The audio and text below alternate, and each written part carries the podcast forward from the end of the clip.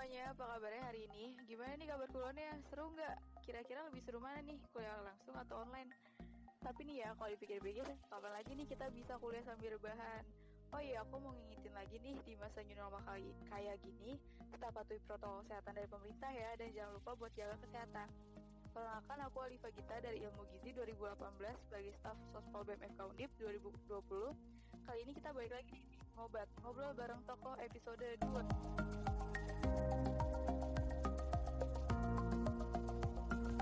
Yap, ngobat kali ini kita bakal obrolin dan bahas apa sih dampak psikologi seorang selama pandemi COVID-19 ini. Nah, biar ngobrolnya makin seru, kita udah undang nih Kak Fawas Misbah dari Ketua BEM Psikologi Undip 2020. Untuk Kak Fawas, bisa perkenalkan diri dulu, Kak. Oke. Halo semuanya.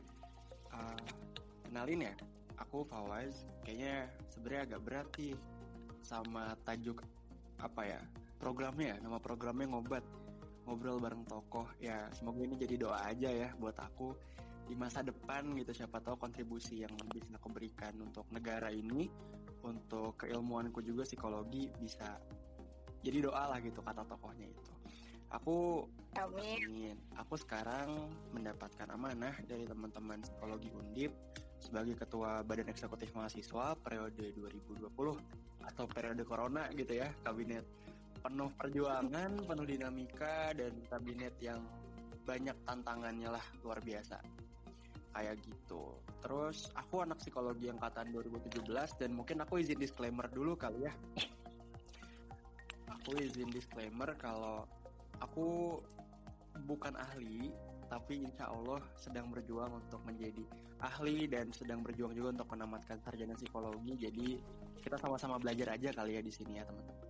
Salam kenal semuanya. Oke, halo Kak. Gimana nih Kak kabarnya nih Kak?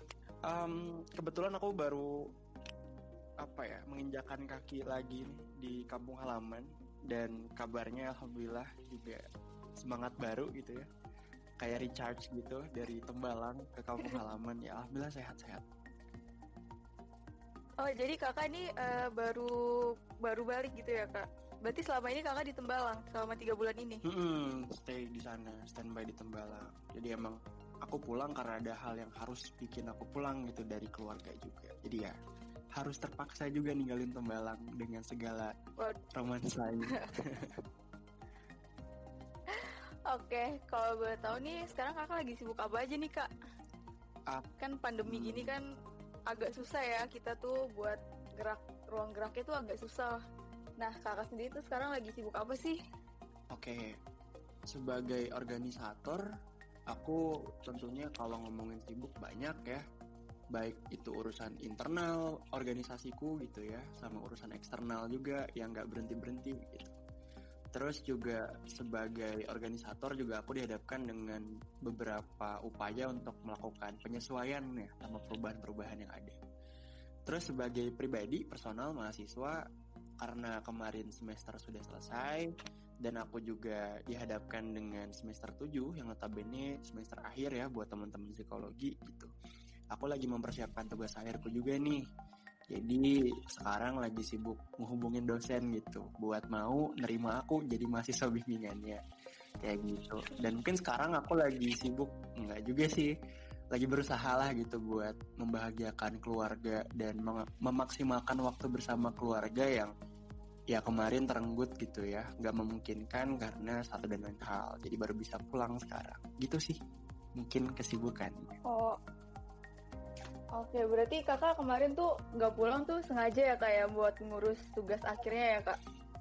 Nggak hmm, pulang itu sebetulnya lebih ke yang pertama tanggung jawab tentunya kan sebagai ketua badan eksekutif mahasiswa harus standby.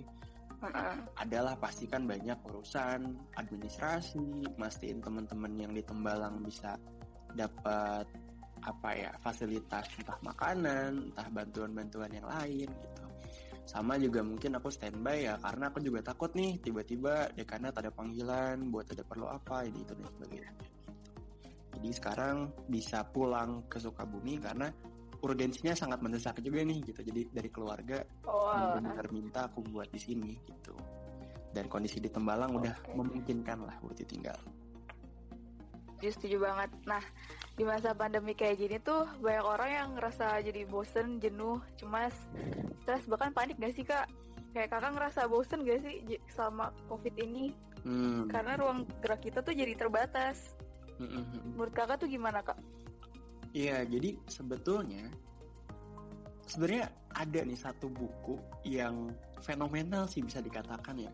Bukunya judulnya The Psychology of Pandemics dia dikarang oleh seorang psikiatri atau dosen profesor sorry asal British Columbia University namanya Stephen Taylor. Jadi di situ dia ngasih tahu sebenarnya kondisi yang kita rasain sekarang gitu ya. Baik itu bosannya baik itu menderitanya ya tanda kutip gitu.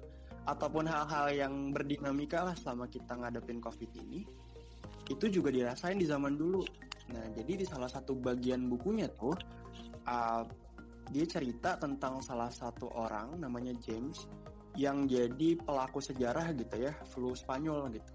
Dan kondisi zaman dulu juga sama. Jadi sedih gitu ya rasanya ngelihat uh, tiba-tiba kotanya jadi mati gitu. Tiba-tiba apa ya? kondisinya serba terbatas, mau ibadah juga nggak bisa ke tempat ibadah gitu tapi untungnya mungkin ada beberapa hal yang lebih mungkin bisa kita syukuri sekarang dibandingin zaman flu Spanyol dulu. Karena dulu nih, saking ekstrimnya ya dari literatur yang aku baca, orang yang dinyatakan positif siangnya, malamnya tuh udah meninggal gitu. Udah bisa dinyatakan meninggal. Saking mungkin dulu juga secara wawasan keilmuan gak ada. Jadi kalau misalkan dibilang bosan, awalnya aku bosan. Tapi karena COVID ini bikin aku penasaran, akhirnya mungkin ya itu aku bermain dengan pikiran bermain dengan um, bacaan sampai pada aku nemu kondisi di mana kayak wah kayaknya jangan bosan terus nih. Harusnya kita lebih bersyukur. Kenapa? Karena kondisi sekarang itu nggak ada apa-apanya sama zaman dulu. Sebosan-bosan yang sekarang kita masih bisa surfing di sosial media walaupun itu juga bisa ngasih efek yang nggak baik buat psikologis kita. Tapi bosan-bosan yang sekarang kita masih punya banyak fasilitas lah yang bisa kita nikmatin, yang bisa kita apa ya optimalin buat ngalihin rasa bosan itu. Bayangin zaman dulu belum ada teknologi yang canggih kayak sekarang, belum ada gadget. Iya sih kak benar. Ya, susah banget gitu. Ya sekarang alhamdulillah lah gitu. Kita uh -uh. aja gitu. Ter uh, terus nih kak waktu awal-awal COVID masuk ke Indonesia nih uh, tahu sendiri kan warga-warga Indonesia tuh panik banget hmm. nyari-nyari masker sama antis. Hmm. Kakak sa sama nggak sih kayak masyarakat yang lain nyari-nyari juga atau kakak emang sebelumnya udah pengguna hand sanitizer gitu sama masker? Oke, ini aku sedikit cerita. Kalau misalkan aku dulu pernah ikut satu event namanya duta sanitasi gitu ya. Dan di sana ditekanin salah satu concernnya duta sanitasi itu ya mengupayakan hadirnya pola bersih hidup sehat atau PHBS. Emang masyarakat Indonesia itu cenderung kurang aware sama hal-hal seperti itu. Tapi karena dulu aku terlibat di sana, sebisa mungkin aku mengupayakan untuk melakukan pola bersih hidup sehat, sekaligus mengampanyekan. Walaupun nggak selalu gitu ya, bahkan aku bukan pengguna aktif lah gitu hand sanitizer ataupun masker kecuali berkendara gitu ya tapi nggak ikut-ikutan panik sih karena di psikologi juga kan diajarin kalau misalkan kita stres kita hanya panik imun kita bisa jadi turun gitu. Dan di situlah penyakit bisa jadi lebih mudah buat masuk gitu. Oh oke okay, oke. Okay. berarti lumayan inilah ya chill-chill dikit lah ya nggak sepanik orang-orang lah ya istilahnya. Hmm, soalnya aku ngerem di kosan juga sih jadi chill aja Iya sih. Dan mana pada saat itu kan Tembalang masih ini ya kak zona hijau juga kan. Hmm, bener banget. Masih kak pengaruh pandemi COVID-19 ini terhadap psikologi seorang kak baik dalam hal positif maupun negatif bisa tolong dijelasin gak kak?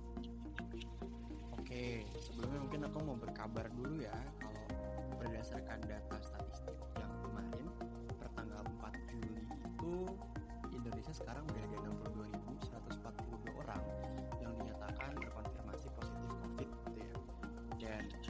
28.219 sembuh.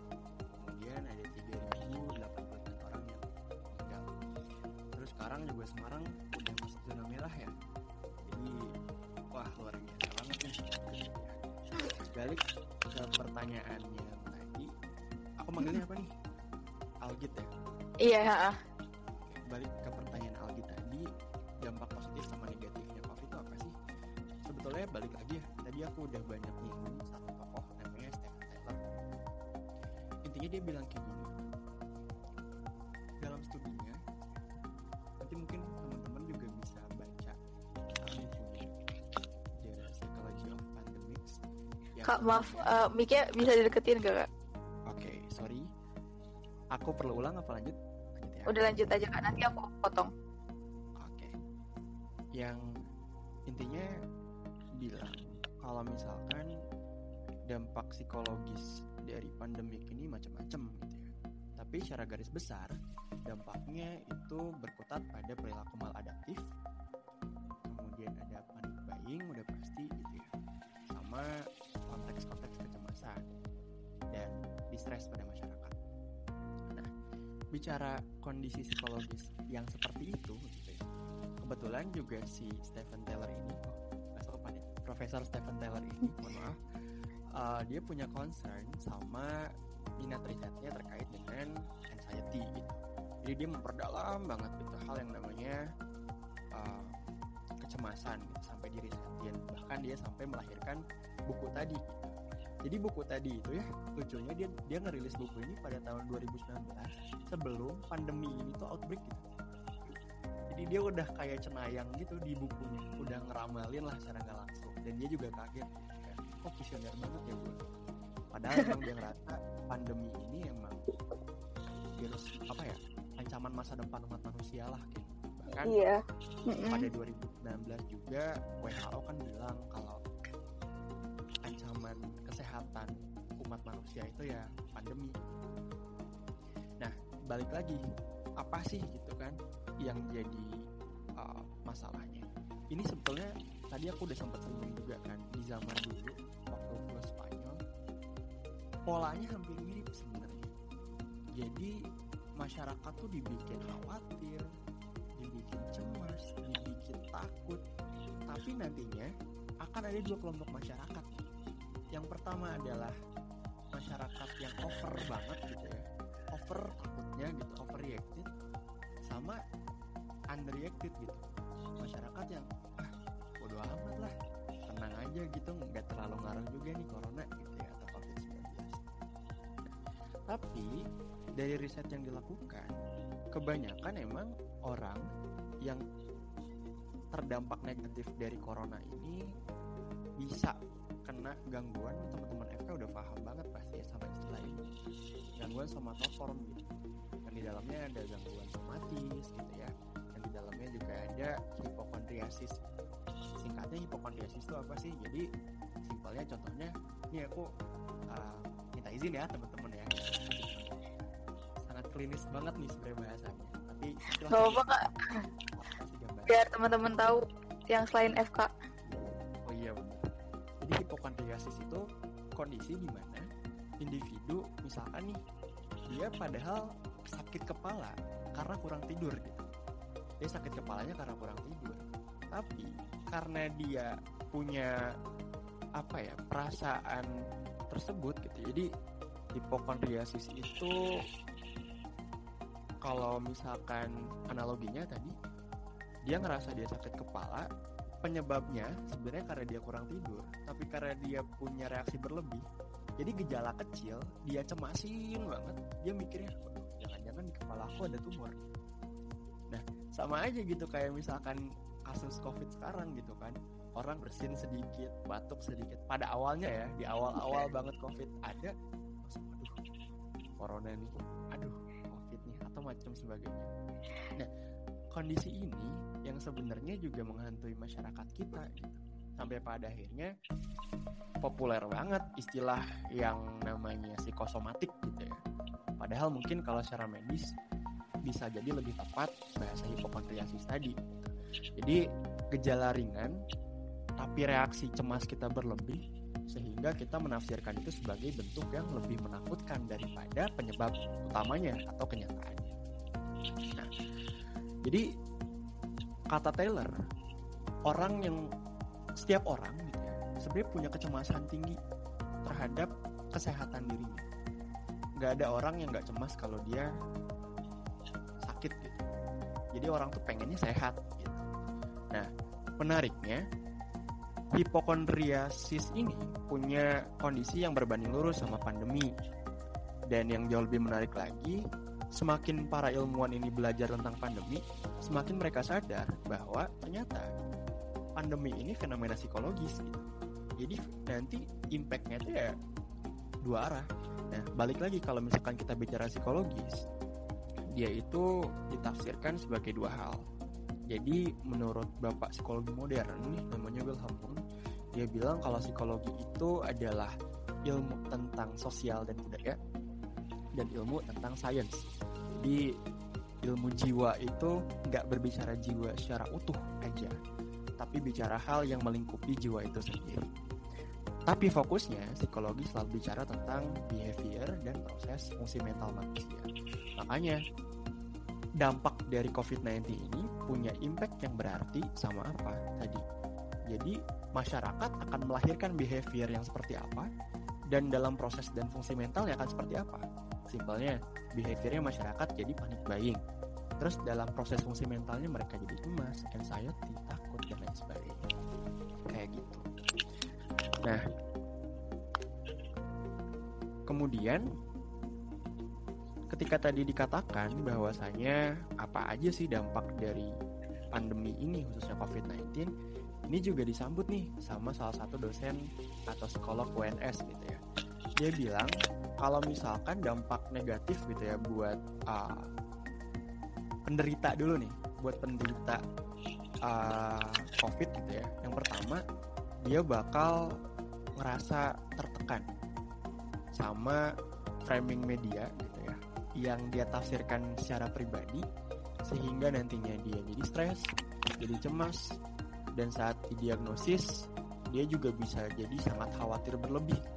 Dan itu secara nggak langsung menghancurkan atau mereduksi sedikit demi sedikit sistem imunnya dia. Karena semakin pikirannya negatif semakin dia mengafirmasi dia sakit maka tubuh bisa sakit. Ada juga kan peribahasa mengatakan mensana incorpore sano. Dalam tubuh yang sehat terdapat jiwa yang kuat. Jadi jiwa dan tubuh ini yang merupakan suatu hal yang utuh gitu, harus saling berkesinambungan. Nah, akhirnya apa nih dampak negatif dari dampak negatif ini buat penderita? Karena penderita takut gitu ya, mereka jadi nggak jujur sama kondisi mereka. Mereka jadi nggak frontal lah gitu sama keadaan yang lagi mereka rasakan riwayat penyakitnya apa, riwayat perjalanannya ke mana dan sama siapa aja dia. Bahkan waktu beberapa waktu lalu sebetulnya di Karyadi kalau misalkan Algit masih inget ada 46 dokter Iya ya kak inget corona karena pasiennya nggak jujur gitu. Bener banget Pasien jujur. Nah jadi framing media yang ada ditafsirkan secara bebas oleh masyarakat bagi penderita tadi negatifnya dia bakal tertekan takut cemas dan sebagainya. Tapi negatif ini ngasilin dampak negatif lagi. Betul akhirnya apa? Efek efeknya domino. Ke tenaga medisnya kena ke masyarakat yang lain juga kena. Nah terus buat masyarakat apa gitu dampak negatifnya? Yang pertama masyarakat jadi overprotect sama dirinya sama keluarganya.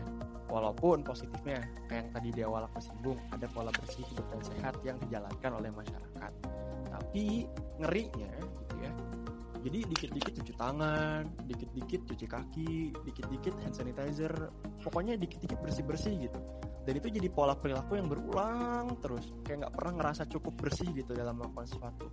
Nah kata psikolog UNS ini dibilang kalau hati-hati gitu perilaku yang terlalu berlebihan dalam menjaga kebersihan itu juga bisa memicu lahirnya gejala OCD. Eh mohon maaf, obsessive compulsive disorder OCD bukan OCD. Kalau OCD mah fenomena yang terjadi di perusahaan. Jadi kalau misalkan kita malah jadi terlalu apa ya terlalu perfeksionis gitu ya sama kebersihan Uh-uh. kita juga harus hati-hati banget gitu karena secara psikologis dan secara klinis itu juga bisa menghasilkan potensi adanya gejala obsesif kompulsif. Fenomena negatif lain yang bisa kita cermati ini banyak ya kasus-kasus kayak ini apa kematian gitu ya misalkan ada pasien COVID meninggal, kemudian keluarga pasien tidak menerima pemakamannya dilakukan dengan protokol kesehatan, akhirnya terjadi konflik secara sosial, akhirnya terjadi penyebaran secara medis, dan itu jadi hal yang kompleks juga di negeri kita sekarang.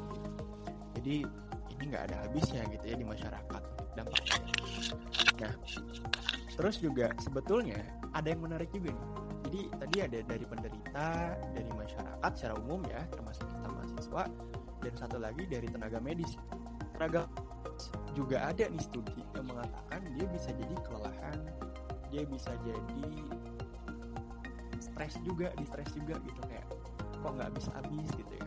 Walaupun sekarang aku percayalah gitu ya di Indonesia kemarin sempat ada klarifikasi kan yang waktu ada tagar rame hashtag Indonesia apa Indonesia terserah itu bukan maksud tenaga medis yang menyerah gitu. Karena aku percaya tenaga medis itu bukan orang-orang yang memang hidup untuk tidak melayani orang lain. Karena memang kan komitmennya untuk menjadi pelayan bagi masyarakat juga gitu.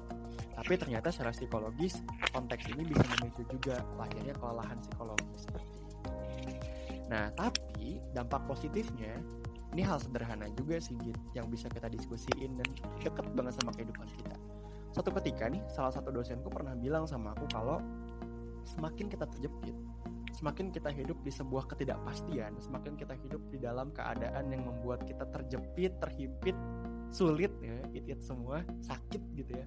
Kita semakin dihadapkan dengan kondisi di mana kita harus bisa kreatif untuk menangani masalah itu.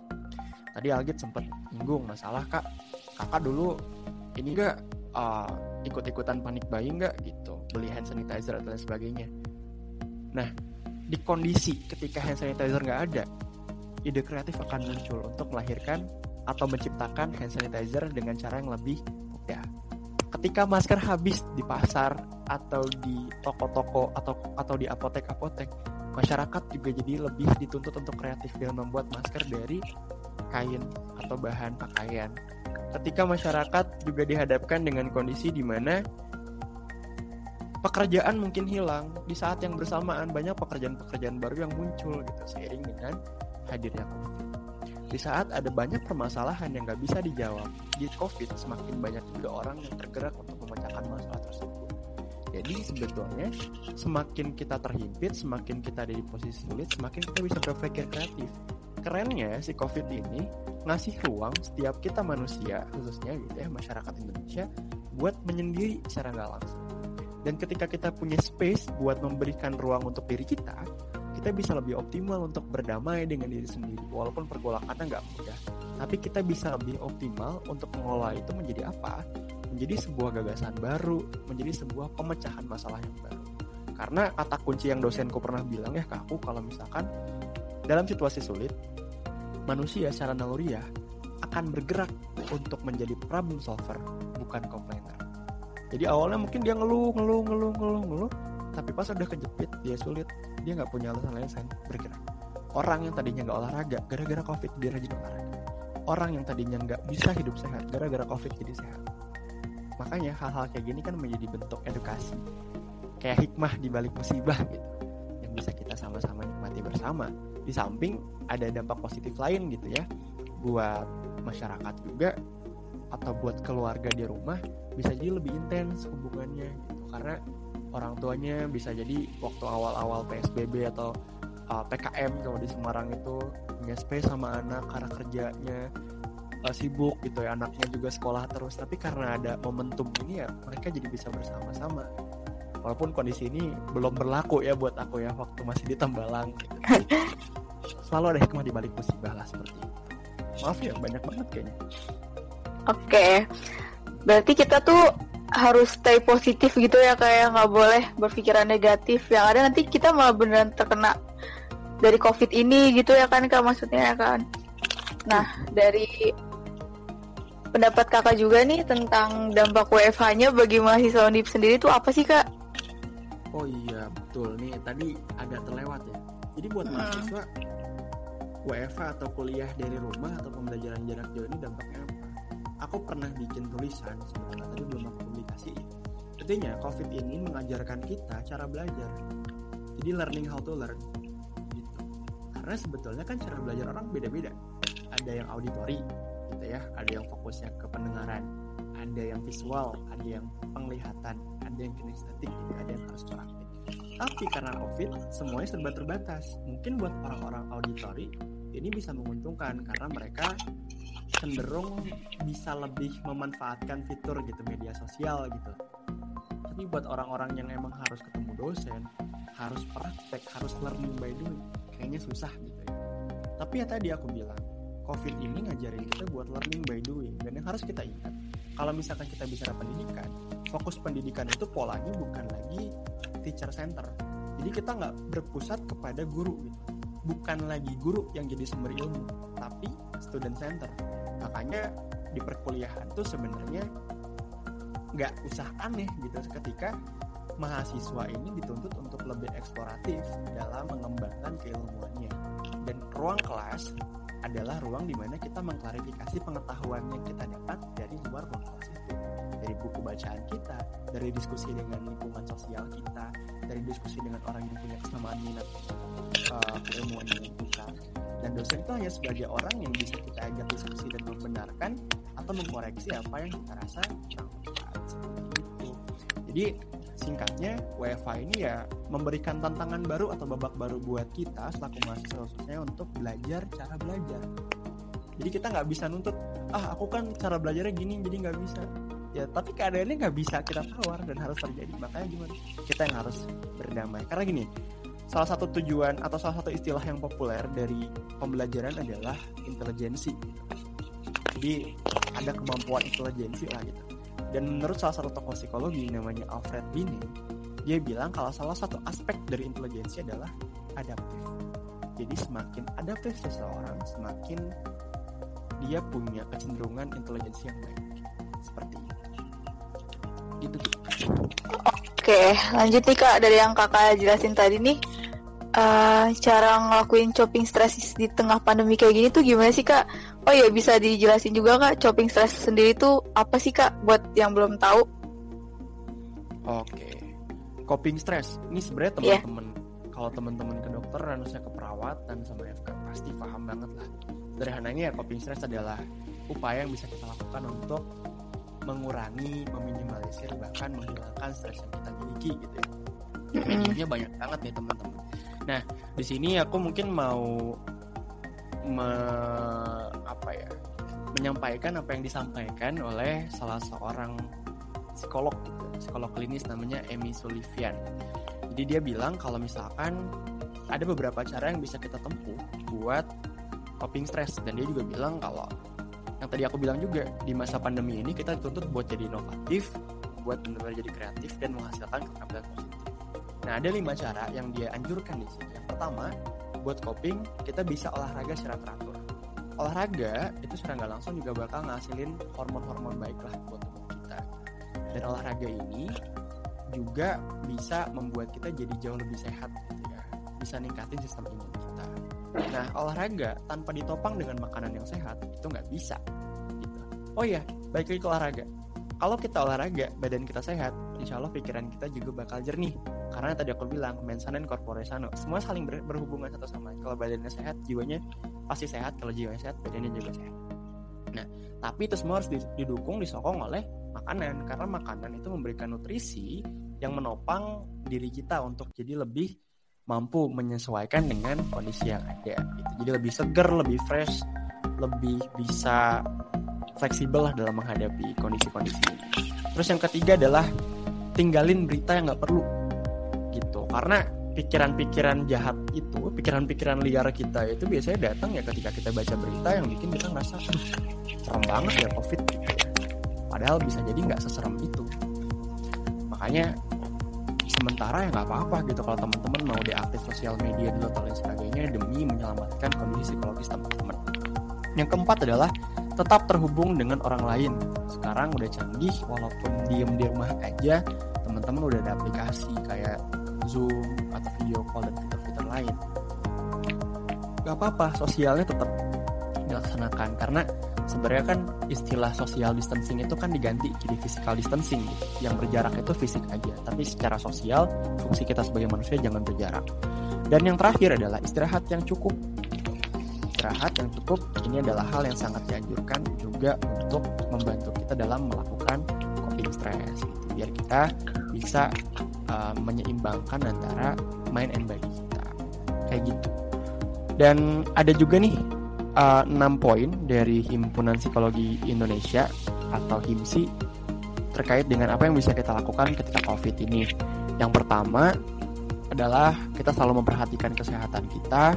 Yang kedua, kita harus physical distancing. Yang ketiga, kita harus senantiasa menjaga kebersihan. Yang keempat, kurang lebih sama konsumsi buah, vitamin dan makanan sehat. Kelima, olah pikiran kita gitu ya, olah rasa kita dan minimalisir kecemasan. Keenam, melakukan kebiasaan baik dengan menutup mulut hidung ketika batuk dan bersin serta hindari menyentuh bagian wajah dengan tangan. Dan yang terakhir adalah olahraga. Secara teratur ada 8 red dan 8 gunakan masker. Dan ingatlah untuk selalu berdoa kepada Tuhan yang Esa. Pokoknya kita harus mem, apa ya mem, apa ya memperhatikan lah ya protokol yang udah dikasih sama pemerintah. Ya udah ya. dijelaskan berulang-ulang kali di media ya kan Betul. Uh, terus menurut kakak nih ya, seberapa penting sih kesehatan mental di tengah pandemi kayak gini nih kak? Penting banget gitu kan tadi sebenarnya kalau mental kita nggak sehat, kita pasti bakal berleha-leha dengan distress psikologi kita, kita bakal bermanja-manja dengan kecemasan kita. Gitu. Jadi menjaga kesehatan mental itu penting banget karena tadi ini kan menyerang fisik. Tapi kalau kata si Stephen Taylor tadi, kalau misalkan ya pandemi ini adalah sebuah fenomena psikologis yang di mana fisik akan selalu ditunjang atau ditopang oleh psikologis. Jadi kalau mental kita kita nggak sehat, wah kita bukan jadi cuman sakit uh, bukan kena corona doang nanti bisa jadi kena gangguan kecemasan atau bisa jadi kena gangguan-gangguan yang lain gitu karena kita terlalu khawatir gitu dengan keadaan. Gitu. Oke. Kak, aku mau nanya nih di Fakultas Psikologi sendiri itu ada layanan kesehatan layanan kayak untuk apa ya curhat gitu nggak sih kak masalah kesehatan mental? Hmm, Oke, okay. ada banget di psikologi namanya kita teman cerita. Nah di pandemi kayak gini tuh layanan itu masih masih ada atau maksudnya kalau buat teman-teman undip yang mau cerita nih tentang tentang keluh kesahnya bisa banget gak sih kak cerita ke teman cerita itu kak? Wah bisa banget, bisa banget. Jadi kebetulan kemarin kita baru banget rilis konselor yang baru nih teman-teman. Hmm. Baru banget rilis. Jadi sifatnya peer konselor. Jadi yang mengkonseling itu teman-teman -hmm. juga gitu. Sesama teman-teman mahasiswa dan udah dibuka kok. Jadi teman-teman bisa banget pakai. Mungkin kalau misalkan uh, nanti bisa aku share ya Oke okay, oke. Okay. Soalnya kan kalau kayak gini kan kadang ada ya kak ngerasa rumahnya itu gak senyaman rumah-rumah orang orang lain gitu loh kak. Hmm. Malah justru lebih nyaman di di luar rumah gitu atau bahkan sama temen-temennya dibanding di rumahnya sendiri. Padahal posisinya sedang lagi di rumah kan. Nah, bisa banget nih buat temen-temen yang mau cerita-cerita ya kan kak ke kelayanan yang tadi kakak udah sebutin nanti linknya bisa di komen aja ya kak. Okay, nah terus ter terakhir aku nanya nih, uh, buat kakak ada nggak sih kaitannya paparan negatif dari sosial media terhadap perubahan perilaku dan emosi kita di tengah pandemi kayak gini? Kira-kira seberapa pengaruhnya sih kak buat kita? Oke, kayak tadi yang udah aku sempat singgung ya, kalau misalkan hmm. salah satu kita buat menghindari pikiran-pikiran negatif, itu ya janganlah kayak tinggalin lah gitu informasi-informasi yang kita rasa nggak perlu. Kayak kita misalkan pusing dengerin orang debat soal konspirasi kayak misalkan pusing dengerin orang uh, debat soal mana benar mana salah mana hebat mana gak hebat gitu. Jadi media punya pengaruh yang besar banget. Apalagi sekarang kita terjebak dalam sebuah zaman yang disebut oleh teman-teman uh, sosial sebagai zaman post truth gitu ya zaman pasca kebenaran. Jadi kayak kayaknya semua media ini memberitakan hal yang benar jadi mana sih yang benar gitu mm sama hal-hal kayak gitu yang bikin kita jadinya keombang ambing kepotong panjang. Sampai akhirnya informasi yang diterima oleh media kita terima nih ya kan itu stimulus kita terima terus kita proses kita persepsikan dan jadi sebuah respon yang bisa jadi tadi over reacted atau malah jadi under reacted bisa jadi kita wah jadi panik banget atau bisa jadi kita kayak "Eh, apaan sih bodo amat. Cuman kebanyakan orang kena media bener-bener ini sih bener-bener panik kalau pemberitaan medianya nggak bener ya. Wah berpengaruh banget. S- ada gak sih kak? Kakak mau nyampein pesan-pesan gitu nggak buat teman-teman mahasiswa undip selama karantina ini untuk menjaga kesehatan mentalnya? Oke, sebetulnya gini teman-teman, kan kalau mahasiswa itu kan agen penggerak gitu, agen eh, perbaikan bangsa lah depan. Nah kalau kita bicara bangsa, kita harus ingat lagu Indonesia Raya. Bangunlah jiwanya, bangunlah badannya untuk Indonesia Raya. Peranan jiwa dalam membangun bangsa itu sangat penting karena badan nggak bisa berjuang tanpa adanya jiwa. Dan salah seorang penyair dari Prancis namanya Ernest Renan bilang kalau misalkan bangsa itu adalah se- sebuah kesatuan jiwa yang sehat. Jadi bangsa itu ya melibatkan kesatuan jiwa juga di sana. Dan kita juga harus selalu ingat ada peribahasa yang mengatakan mensana in corpore sano. Dalam tubuh yang sehat terdapat jiwa yang kuat. Kalau misalkan kita nggak sehat jiwanya, tubuh kita bisa nggak sehat. Kalau kita nggak sehat tubuhnya, nggak sehat fisiknya, jiwa kita juga bisa jadi nggak sehat. Kayak gitu. Jadi aware lah sama kesehatan mental kita, biar fisik kita juga bisa mental, eh bisa bisa mental. Ya, fisik. Uh, mungkin satu satu kalimat terakhir, no health without mental health. Gitu. Jadi nggak sempurna kesehatan kalau nggak ada kesehatan mental. Bener banget deh. Oke deh kak, selesai juga perbincangan kita kali ini. Semoga hal yang udah kita obrolin barusan nih bermanfaat nih buat teman-teman semua. Nah sekian dari kami. Thank you buat Kak Fawa sudah menyempatkan waktunya buat sharing-sharing bareng kita nih. Oke. Eh, dan makasih juga buat teman-teman yang udah dengerin sampai habis. Semoga teman-teman semua yang udah dengerin bisa tahu apa aja sih dampak psikologi seorang selama pandemi kayak gini nih. Dan buat kalian yang lagi merasa di, berada di posisi atau fase-fase yang udah disebutin tadi, bisa banget dicoba tips-tips yang udah dijelasin sama Kak Fawas barusan ya nggak sih Kak? Atau kalau mau tahu info lebih lanjut bisa banget gak sih ini Kak hubungin ke Kak Fawasnya langsung? Kira-kira boleh nggak Kak? Boleh boleh.